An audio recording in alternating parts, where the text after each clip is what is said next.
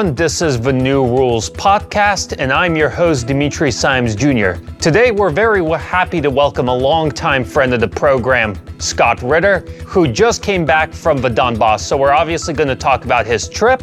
Uh, we're going to talk about the Russia Ukraine conflict and the fact that 2024 has been, you know, even less than a month in, a year of chaos. So, Scott, thank you for coming on to the program. Really happy to have you in studio. Thank you very much for having me. So let's start with your trip because I think most all of our audience members have seen the Donbass on the news, on the television. But for obvious reasons, they don't have any personal experience with the region. They don't have an opportunity to visit the region and see things firsthand. Could you tell a little bit about your visit to the Donbass and what are your main takeaways from what you saw? Well, before I went to the Donbass, because uh, I, I, view the, the war in Ukraine is uh, you know, in a broader perspective. I, let, us start with a trip I made before I went to the Donbass uh, to Chechnya, uh, where I met with Ramzan Kadyrov, um, and I met with another a number of uh, uh, Chechen officials, where we discussed the conflict in Ukraine.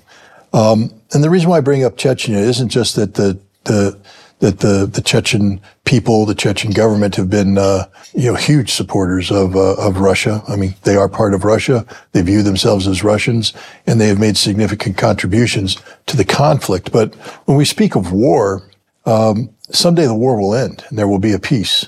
And people are often asked, you know, how will Russia and Ukraine ever again live together in peace after what has been done? And I say, look at Chechnya. I mean, if you go back to the late 1990s, the early 2000s, the devastation that was wrought into Chechnya, uh, the destruction of Grozny. The photographs of Grozny remind you of Stalingrad.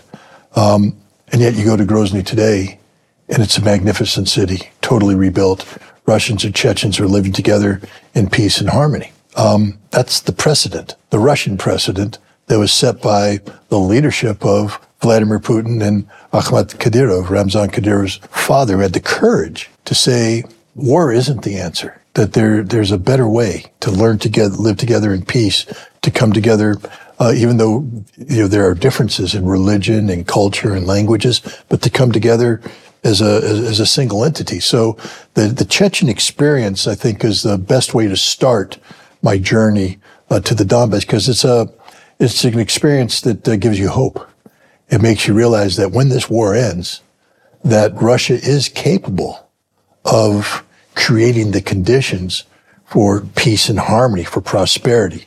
The Chechen miracle is the, uh, you know, is that precedence. From Chechnya, the, then we go to Crimea. Um, of course, the it takes you over the Crimea Bridge, um, which is uh, a symbol of um, Russia's commitment to Crimea, the, the unification of Crimea with Russia through that bridge, because at that time, uh, Crimea was physically separated from Russia um, because uh, Kherson, Zaporizhia, um, and the you know, and, and, even the Donbass were Ukrainian. Um, so to make Crimea part of Russia, the Crimea bid bridge was built. It, was that connectivity. Uh, and the Ukrainians, uh, together with the collective West, have been targeting this bridge, trying to bring it down. Uh, successful attacks, which did significant damage. But the bridge has been rebuilt. And I think the bridge is a symbol of the resilience of Russia, that no matter what happens, you're not going to break that connectivity. And the, the other important thing about going to Crimea is that, um, you know, it was the first of the new territories to become part of Russia in 2014. Um, and the, in the West, you know, we haven't recognized that. We, we don't recognize that. We don't recognize uh, the referendums that took place in, uh, in the new territories. But um, by going to Crimea and meeting the Crimean people, meeting the Crimean leadership, what you realize is it doesn't matter what the West thinks about that. The people who live in Crimea know who they are, and they're Russian and they're proud of being Russian.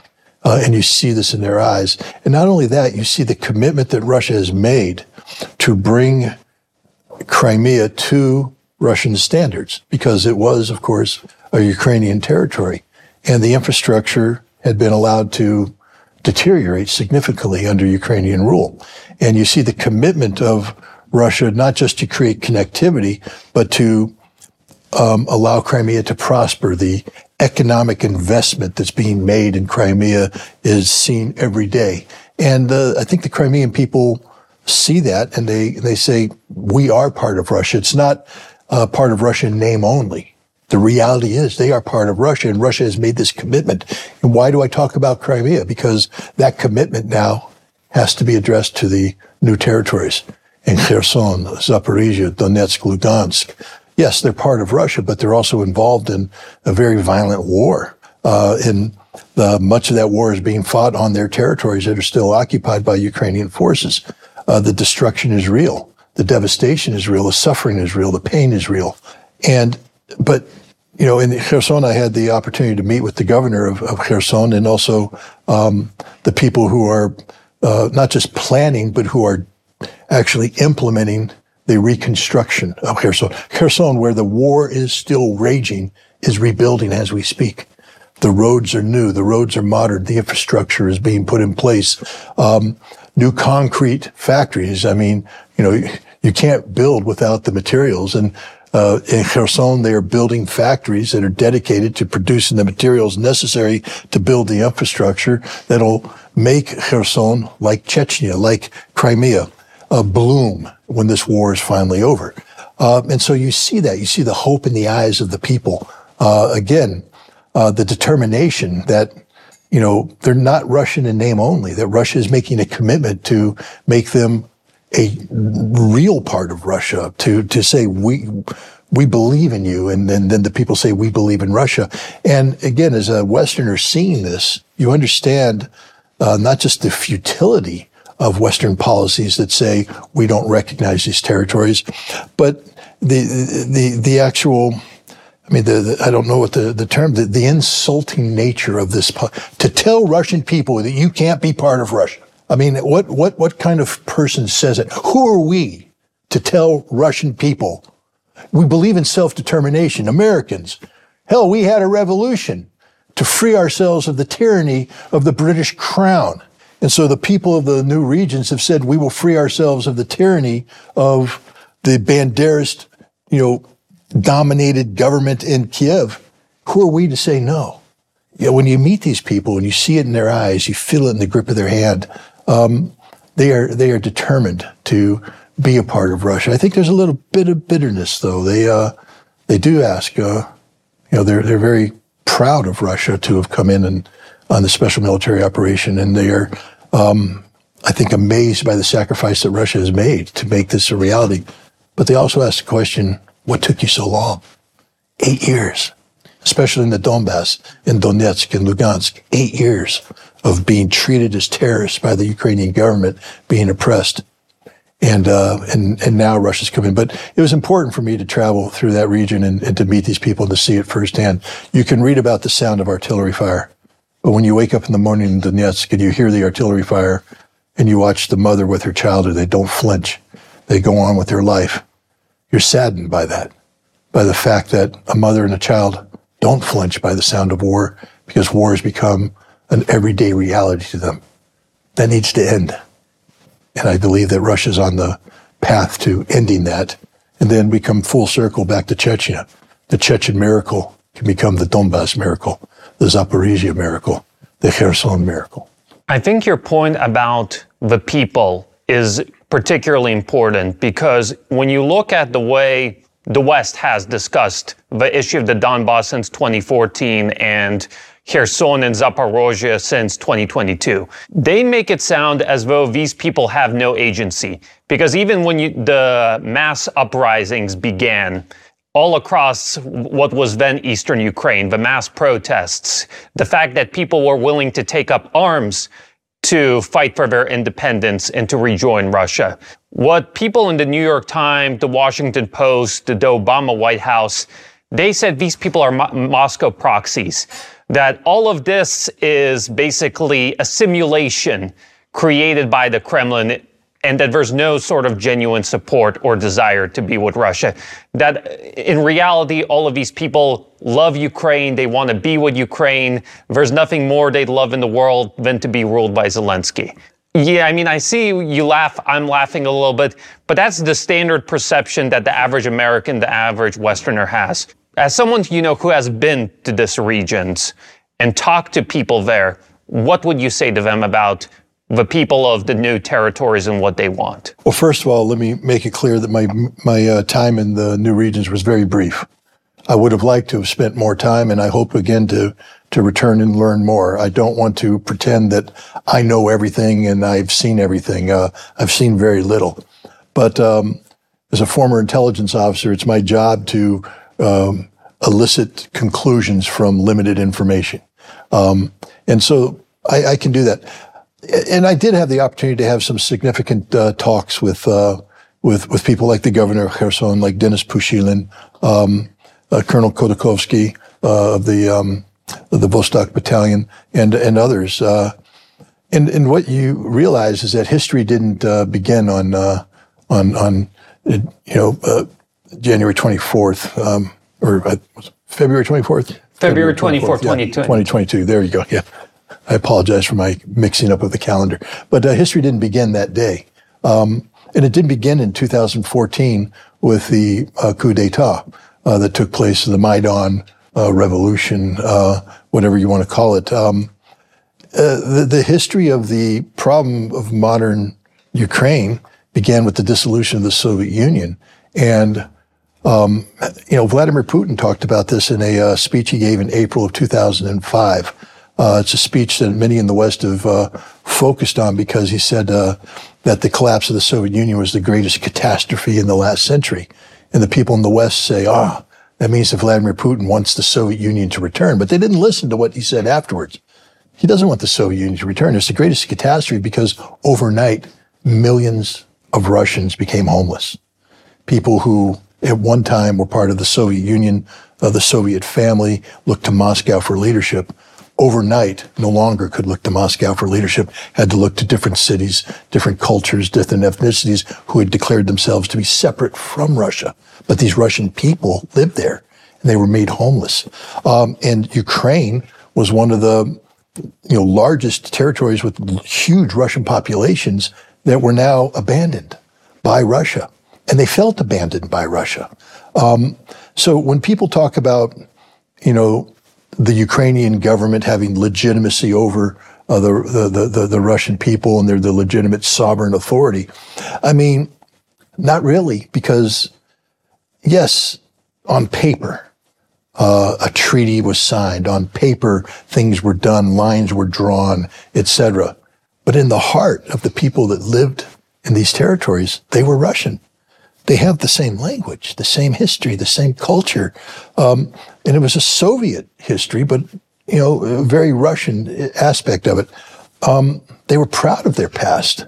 They were nervous about the future, especially a future that in, in, in Ukraine was being influenced by people that uh, called them Moskal, uh, called them orcs, uh, who, who, dehumanized them, who made them something less than human. And I'm talking about, of course, the um, Ukrainian nationalist ideology that's derived from the thinking of Stepan Bandera and others uh, that, that, talks about Ukrainian um, ethnic superiority. Uh, the superiority of the Ukrainian culture over the Russian culture. And you started to see the sort of cultural genocide taking place. This began well before 2014.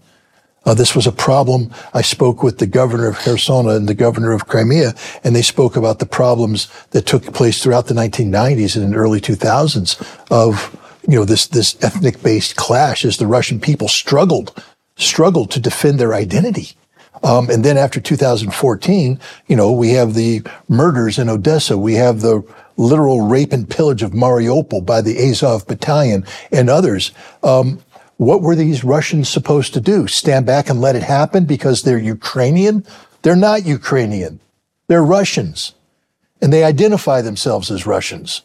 And now that they were betrayed by the Ukrainian government, they voted for Viktor Yanukovych. He was their president.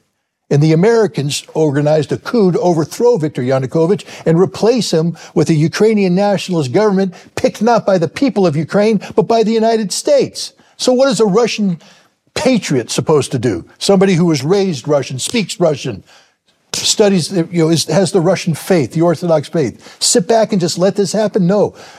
As an American, we should understand this because we know what the answer is. When the British marched to take our guns, we mobilized the militia and we confronted them in Concord, in Lexington. We fought them in Bunker Hill, and we fought a revolution to free ourselves because a free and independent people, independent people have a right for self-determination. And that's what the Russian people did. And I don't know why, as Americans, we don't understand that and we don't embrace it and we don't support it. Instead, we pick the side of the British crown. We pick the side of the Ukrainians. We pick the side of Stepan Bandera, an ally of Nazi Germany that my relatives fought during the Second World War. We're on the wrong side of history.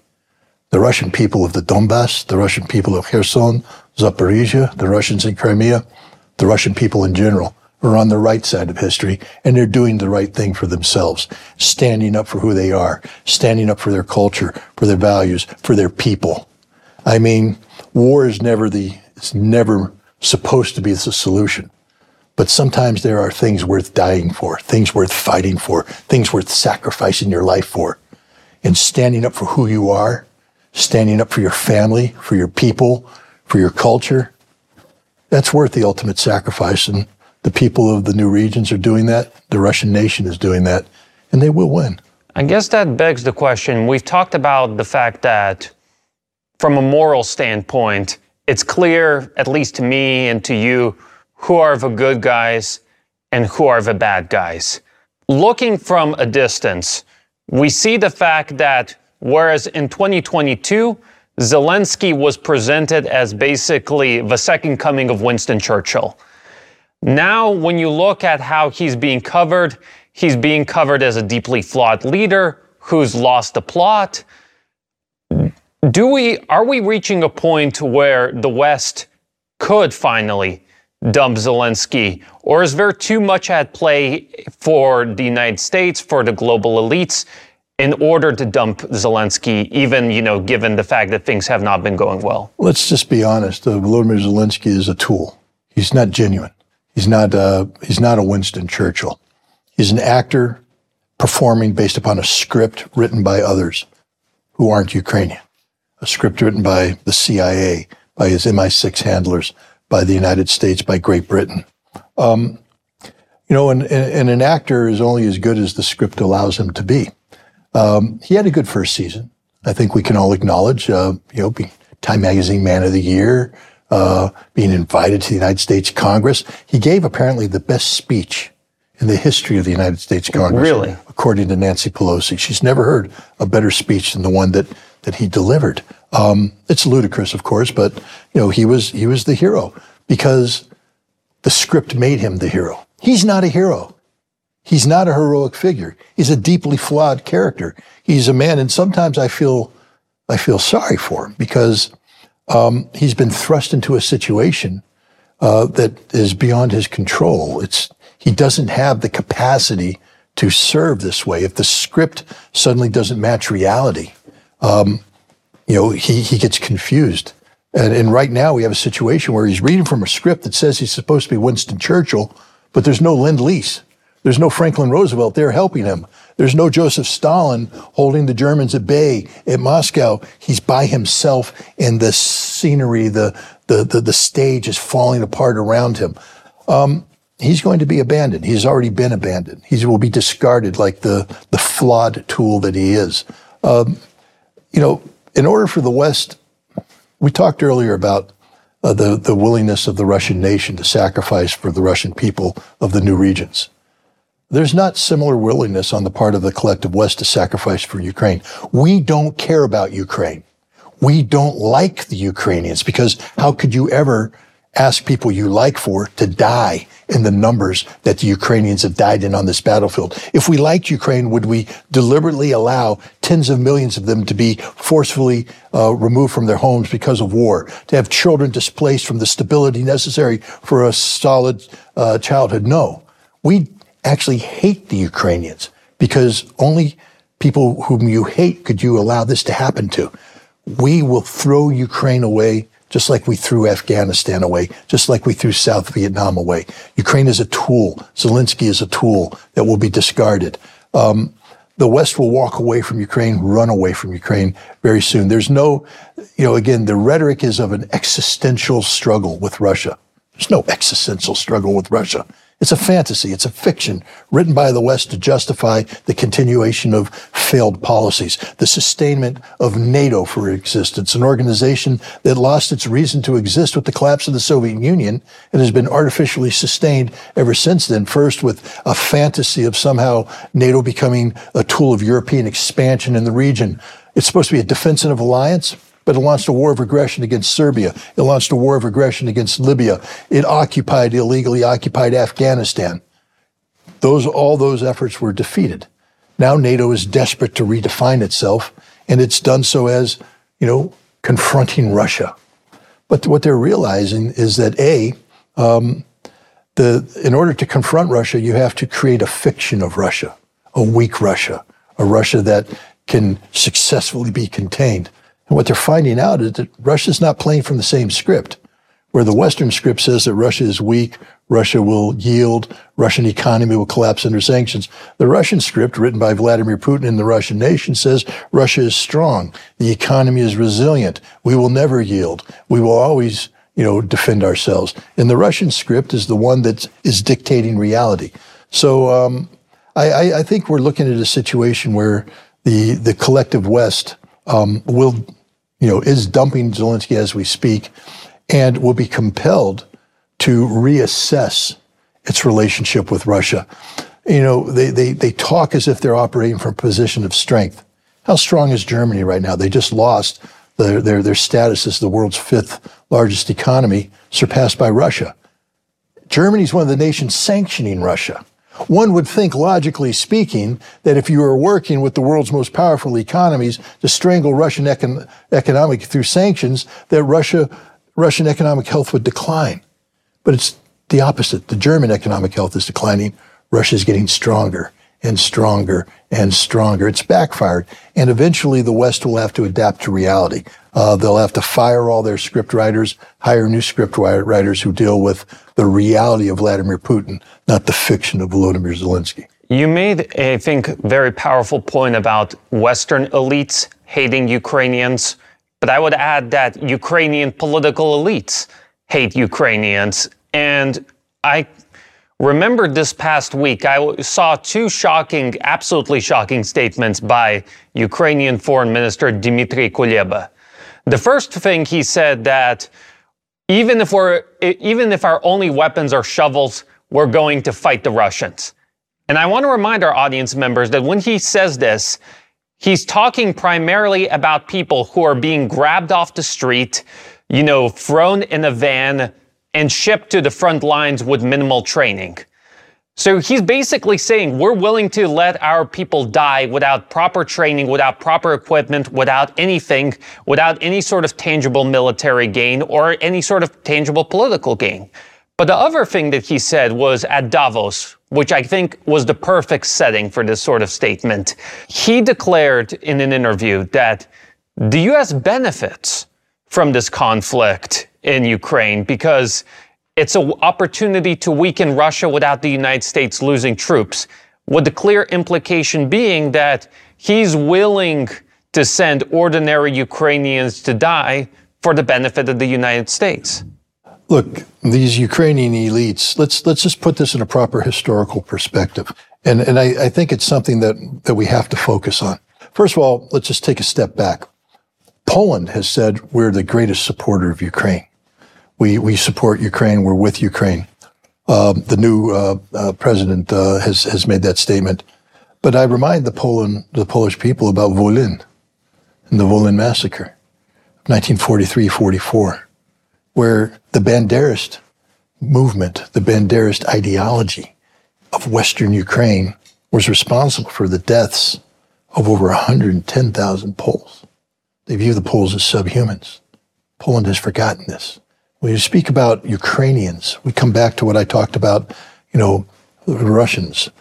Uh, a lot of people don't know, uh, in the West especially, that at the end of the Second World War, uh, the, the Banderist groups were still very much in existence. And uh, for nearly a decade, they fought a guerrilla war against Soviet authority um, in Western Ukraine. Uh, because of the losses of the war, uh, the Soviet government transferred a lot of Eastern Ukrainians to the West to help teach in schools, to help uh, rebuild bureaucracy, to create the infrastructure of life. And the Banderas slaughtered them. Hundreds of thousands lost their lives at the hands of the Banderas, so-called Ukrainians were killed by the Western Ukraine. So the historical precedent is there. The Banderist government of Volodymyr Zelensky and I call it a Banderas government because it's dominated by this ideology. They, they call Stepan Bandera a national hero. They name streets after him. They have monuments. They celebrate his birthday. They don't care about the Ukrainian people, especially the Ukrainians of Eastern Ukraine, the Russians, or the Ukrainians of Central Ukraine. They only care about Western Ukrainians, and they're willing to sacrifice everybody else for them. And that's what Kuleba's statement is saying that these people don't matter. They're simply, it's consumable commodities to be thrown into the fire um, to create a global system that benefits the corrupt Zelensky regime and the nationalists of Western Ukraine. That's it. I don't know why the Ukrainian people continue to tolerate this. I don't know why the Ukrainian military continues to fight this war. Yes, I know they, they believe that Many of them believe that they're fighting for Ukrainian territory. Um, but I think even they have to know the, you know, the reality of the history and the reality of the current situation and that they're being needlessly sacrificed, especially those who are hijacked, put in a van, thrown to the front. At some point in time, I, I do believe that the Ukrainian military is going to take matters into their own hands and terminate these so-called Ukrainian nationalists who are willing to sacrifice them, not for the benefit of a greater Ukraine, but for the benefit of the West, because that's what he said. He didn't say this was about defending Ukraine. He said this is about achieving Western goals of bringing harm to Russia. That Ukraine will be sacrificed uh, in its totality if necessary for the purpose of fulfilling Western goals and objectives of hurting Russia. And um, how can you call yourself a Ukrainian leader if that's your guiding principle? I want to remind our audience members that you are watching and listening to the New Rules podcast. I'm your host, Dimitri Simes Jr., and our guest is Scott Ritter. By now, it's gotten to a point where even a majority of mainstream Western mainstream media outlets, mainstream Western analysts, are admitting that the battlefield situation for Ukraine is not very good. And the long term political prospect for Ukraine is not very good. But we still have this small but influential group, I guess you could say, of retired Western generals. I'm thinking particularly people like Ben Hodges, Mark Hertling, and Mick Ryan, people who have been, I guess, sort of taken advantage of the Ukraine conflict to boost their public profile by promising that the Ukrainian army is going to smash the Russian military. They predicted it in 2022, 2023, and it's 2024, and they're still tooting the same horn. And despite the fact that they've been wrong so many times, they still have hundreds of thousands of Twitter followers. They're elevated by all of the major media outlets, all the major television channels. I guess what would you say to these people and the people who regard them as serious authorities? Well, I think it's obvious that um, if you're going to be an analyst, your track record, you know, should be that which people judge you by. Um, you know, do you have a solid foundation of getting it right? Um, if you do, you know, because not everybody's perfect. I've made mistakes many times. I've, I've, I've, I've looked at a situation, thought that I had a good understanding of the facts and I would make a predictive analysis, it wouldn't come true. But what a good analyst does is when it doesn't come true, you don't manipulate the facts to make it appear to be true. You say, well, wait a minute. What did I get wrong? Then you readjust, you, you tinker your, your, your thought process and you try to reevaluate it based, based upon fact-based reality. Because as an analyst, it isn't the outcome that matters. It's the process that allows you to predict the correct outcome. Um, ben Hodges and company, they're not playing that game anymore. They're playing the game where the outcome is already preordained. And what they're trying to do is shape the facts in a way that creates a compelling narrative that leads to this preordained outcome of Ukrainian victory, of Russian defeat. Um, and they were able to do that when you had, you know, a, situation where facts could be manipulated. For instance, the successful Ukrainian counteroffensive of the fall of 2022. Now, if it was seen in a proper, broader perspective, it would not have been one of, you know, um, irreversible Russian weakness. It would have been one of Russia in transition, transitioning away from a special military operation that was designed to achieve a diplomatic outcome, which was rejected by the collective West. And then the collective West created a new reality by infusing tens of billions of dollars of military equipment, compelling Russia to make adjustments. And some of those adjustments required Russia to trade territory for time to build up a new military capability to deal with this new reality. That's not a sign of weakness. It's actually a sign of strategic thinking. Um, you know, the, the, and you should respect your threat. But Ben Hodges and everybody else were able to turn this and say Russia's weak. They have a, a tendency to retreat. All the Ukrainians have to do is is move forward, and they took that into the summer offensive of, of last summer, saying that Ukraine will win. Well, they didn't. They lost. They lost. They were crushed. Um, and the crushing nature of the Ukrainian defeat is such that these generals can't spin the data anymore. And the Wall Street Journal and the New York Times and CNN and MSNBC can't sustain the spin anymore. Um, so even as the generals continue, I mean, I think Ben Hodges has tweeted some really ridiculous things lately about, uh, you know, how ru- weak Russia is, how badly they're doing, et cetera. Um, but his masters in the me- mainstream media can't can't keep that up because they, at some point in time, it just becomes obvious that this is wrong. And so they're starting to tell stories because they recognize that one day they're going to wake up and Russia will have won this war to a degree that nobody could deny it. And at that point in time, if they haven't prepared their audiences for this Russian victory or the possibility of a Russian victory, that they will lose all credibility. And so you see them right now starting to re- reshape the narrative based upon facts. They, they aren't ready to concede total Russian victory. They want to talk about a frozen conflict, about a stalemate. I don't know if you've been to the, the, the new territories. There ain't no frozen conflict. There ain't no stalemate. Russia's winning. And, um, and someday this will become, I don't, I'd like to see how Spider Marks and, uh, Ben Hodges and these other, uh, these, these other intellectual and moral cowards, because that's what they are. Uh, they're people who have a resume that's supposed to be built upon integrity, it's supposed to be built upon professionalism, and all they are is uh, cheap actors uh, reading from poorly written script. I guess that begs the question, right? Because it's possible for someone to be wrong if they're delusional. But oftentimes people are deliberately wrong just because they're grifters. So, which is it? Are these people just totally incompetent and incapable of analyzing the data that's coming in? Or are these people deliberately trying to, you know, keep up an appearance, get uh, clicks on social media, get gigs on CNN, so on and so forth? It's the latter. They're grifters. These, uh, you know, they're they're professionals who know better. Um, I can guarantee you that Ben Hodges knows about correlation of forces. He's not stupid. He knows that the Ukrainians are burning through material and manpower at a rate that far exceeds uh, their ability to replenish. He knows that as a military officer, so he knows that Ukraine is getting weaker every day. He knows that Russia, whether he likes them or not, is getting stronger. Uh, 1,500 volunteers a day for the front. Um, 450 plus thousand volunteers in total, in addition to 300,000 mobilized, in addition to uh, the the expansion of the military that's taking place, uh, uh, a, a revitalized defense industry that's producing modern equipment at production rates that the West can't even imagine. Uh, Russia's getting stronger. So basic military math tells you that the outcome is inevitable, a decisive Ukrainian defeat. A military professional knows this.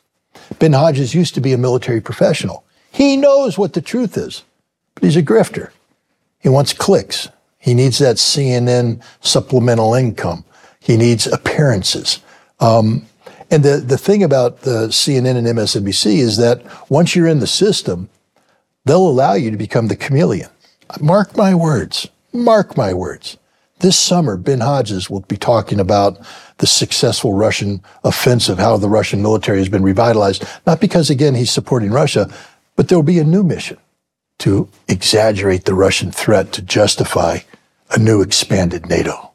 That must stand up and arm itself against this giant Russian military that's unstoppable. You know, today he's saying that the Russians can't do anything right. By summer, he'll have changed his tune. It's not because he's a professional analyst. It's because he's a grifter. Because his master said we have a different script we have to uh, we have to act on now. Yeah, and I mean, you bring up the important fact about increased military production, the fact that the correlation of forces is tending in Russia's favor. I also want to draw attention to one development that I think is being really underreported the improvement of Russian intel and targeting capabilities. Because I think, as some of our audience members may know, may know, at the beginning of the conflict, the fact that the Ukrainians were getting real time satellite data from the United States was a major source of help for them. In fact, a lot of Russian military analysts say that this was a bigger deal than the weapons that the West sent to Ukraine. But over the course of 2023, to very little fanfare, we saw Russia launch multiple new military satellites. And as we see, you know, during the first month of 2024, there's been a number of high profile Russian military strikes against various targets, including uh, an elite French mercenary nest in Kharkov that took place recently. And even the Ukrainians are admitting the Russians are doing a better job of choosing their targets, hitting targets, and inflicting damage. So, I mean, I think that's something that's worth drawing attention to as well. Look, I, I was a professional intelligence officer for a number of years, and um, I understand what it takes to um, to to build an intelligence collection plan that's based upon, you know, priorities of collection, et cetera. Uh, a peacetime, it's very difficult to. Um, uh, you know, I trained as an intelligence officer for many years in the peacetime military, and then we went to war against Iraq, and I was given responsibility for tracking down uh, Iraqi Scud missiles. Uh, this requires real-time intelligence collection, analysis, um, you know, it, basically coming up with an intelligence collection plan, et cetera. Um, doing it in reality is far different than doing it in peacetime. The Russians we were a peacetime army before the special military operation began. Very limited real world experience in this uh, this kind of activity. Um, and I think what Russia's shown is that they have learned the lessons of war. Uh, they've learned from the Western, uh, the, the, experiences that are any, but they've also learned from their own experiences, and they've built a system. It's not just satellites. Satellites are just one aspect of it. It's electronic warfare. It's human intelligence. It's becoming good at tactical intelligence, knowing your enemy, being able to predict outcomes, knowing how systems work. Um, studying logistical lines of communication, studying where the warehouses are in Ukraine, seeing the flow of material, um, and learning how patterns, because humans are, um, are, are, you know, we are products of our habits. And what Russia did by watching the West supply Ukraine to see patterns repeat themselves. And so suddenly, where it might have been difficult to find where weapons were stored early on, now with improved collection, with improved insight in the enemy, and seeing the patterns, they're suddenly able to start picking out the targets and they're hitting the targets. They're building weapon systems capable of hitting the targets. They've done a whole campaign to destroy Ukrainian air defense. So now that Russian missiles and drones can fly in uh, with greater frequency, uh, with greater accuracy, with less interceptions, they're devastating the Ukrainians. Um, the, the Russians are dominating uh, the sphere of intelligence collection and turning this intelligence data into targets on the ground and having the weapon systems capable of, of striking. And as a, a Westerner, as an American, this is frightening because they're doing it very well. And we, if we ever had to fight the Russians, we don't have that capacity right now. And so Russia would have a significant advantage early on. And I hope NATO commanders are listening, and I hope they understand. They're professionals. They know this. Uh, rather than wasting your time trying to develop capabilities to match the Russians, why don't you invest in diplomacy and get tensions ratcheted down so that we're not talking about, you know, creating an intelligence collection plan to derive targets that can be struck with missiles. Instead, we're talking about deconfliction, new European security frameworks, and uh, economic integration that leads to political alignment that leads to peace and uh, stability. So I hope uh, Russia's strength uh, can be used to pursue peace and not create, you know, cause and effect escalation with the West. You know, Western elites are not talking about diplomacy, new security arrangements, but they are more reluctant to give Ukraine money. And I think that this is best uh, illustrated by what's been going on in the House over the past month and a half, where Zelensky was hoping, Biden was hoping that there'd be a substantial new Ukraine package. But it's gone, you know, stuck in the political infighting. House Republicans say no new deal until Biden gives major concessions on border security. Now, I'm I'm not enough of a specialist to speculate on how this is going to play out, and I don't have any inside information.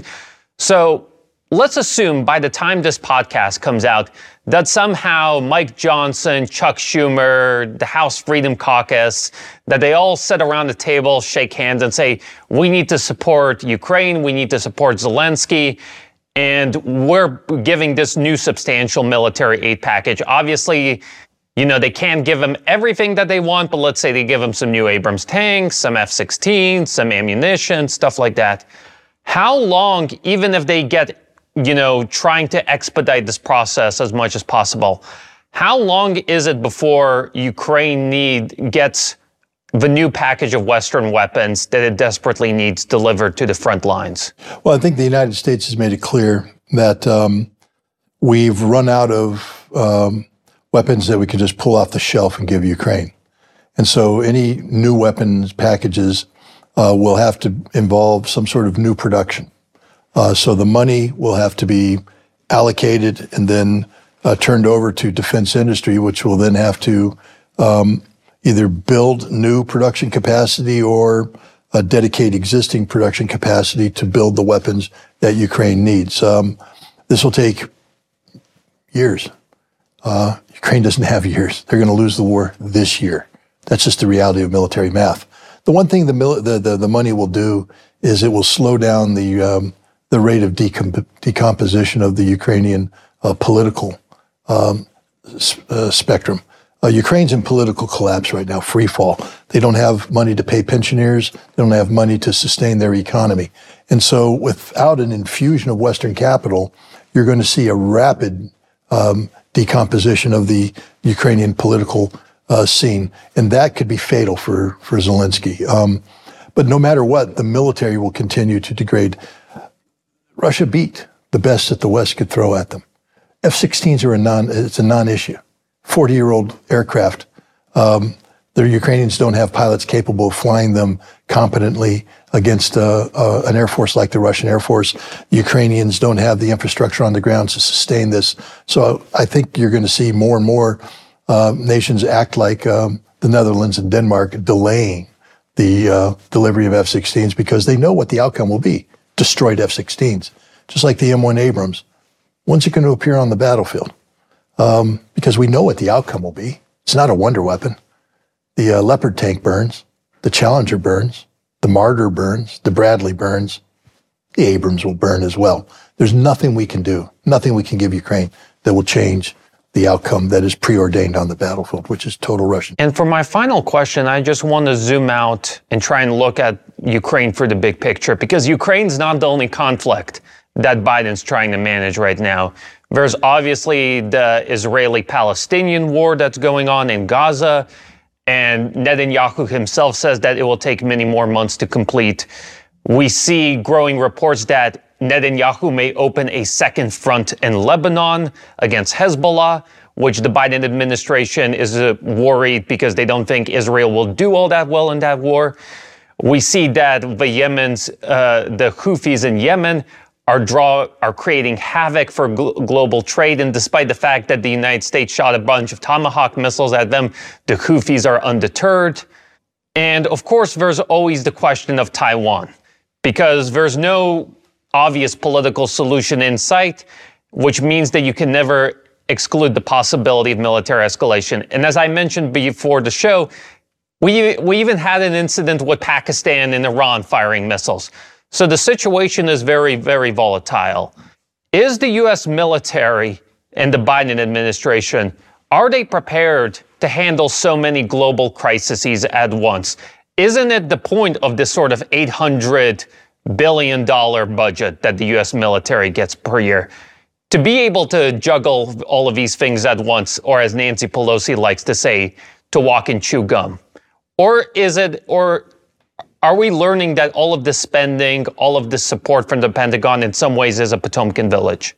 Look, the reality is back in the 1980s, uh, the U.S., spending far less than it spends today, was capable of fighting and winning two and a half wars at the same time. We could fight a major war in Europe, we could fight a major war in the Pacific, and we could fight a holding action in the Middle East. And we planned on winning all three of those conflicts. Um, today, we spend 800, almost close to a trillion dollars a year, and uh, we have a military that can't win one war. We don't have enough forces to, to fight a large scale ground conflict in Europe. We definitely can't beat the Chinese in the Pacific. And imagine you deploy two carrier battle groups and uh, Marine amphibious ready groups into the Mediterranean, and the Red Sea to deter Hezbollah and the Iraqi militia and the Syrian militia from escalating conflict. The threat of American force. And then the Houthi fire missiles, and now we engage the Houthi with this force, and they're not even blinking. They don't care. You think Hezbollah cares? No. If, if Israel is foolish enough to open up a second front with Hezbollah, Israel will lose that war. And we know it. And there's nothing we can do now because the threat of Amer- American military intervention no longer holds any meaning. The Houthi have proven that we are literally a dog that barks, but we can't bite. Hezbollah is 20 times more powerful than the Houthi. You think they're going to now be fearful of American military intervention? Not at all. Um, we've lost all credibility. We can't even control uh, the Israeli government. They're embarrassing us on a daily basis through their genocidal behavior in Palestine, uh, America's lost all moral credibility. Um, and we've also lost uh, the ability to intimidate. Who's afraid of America anymore? No one.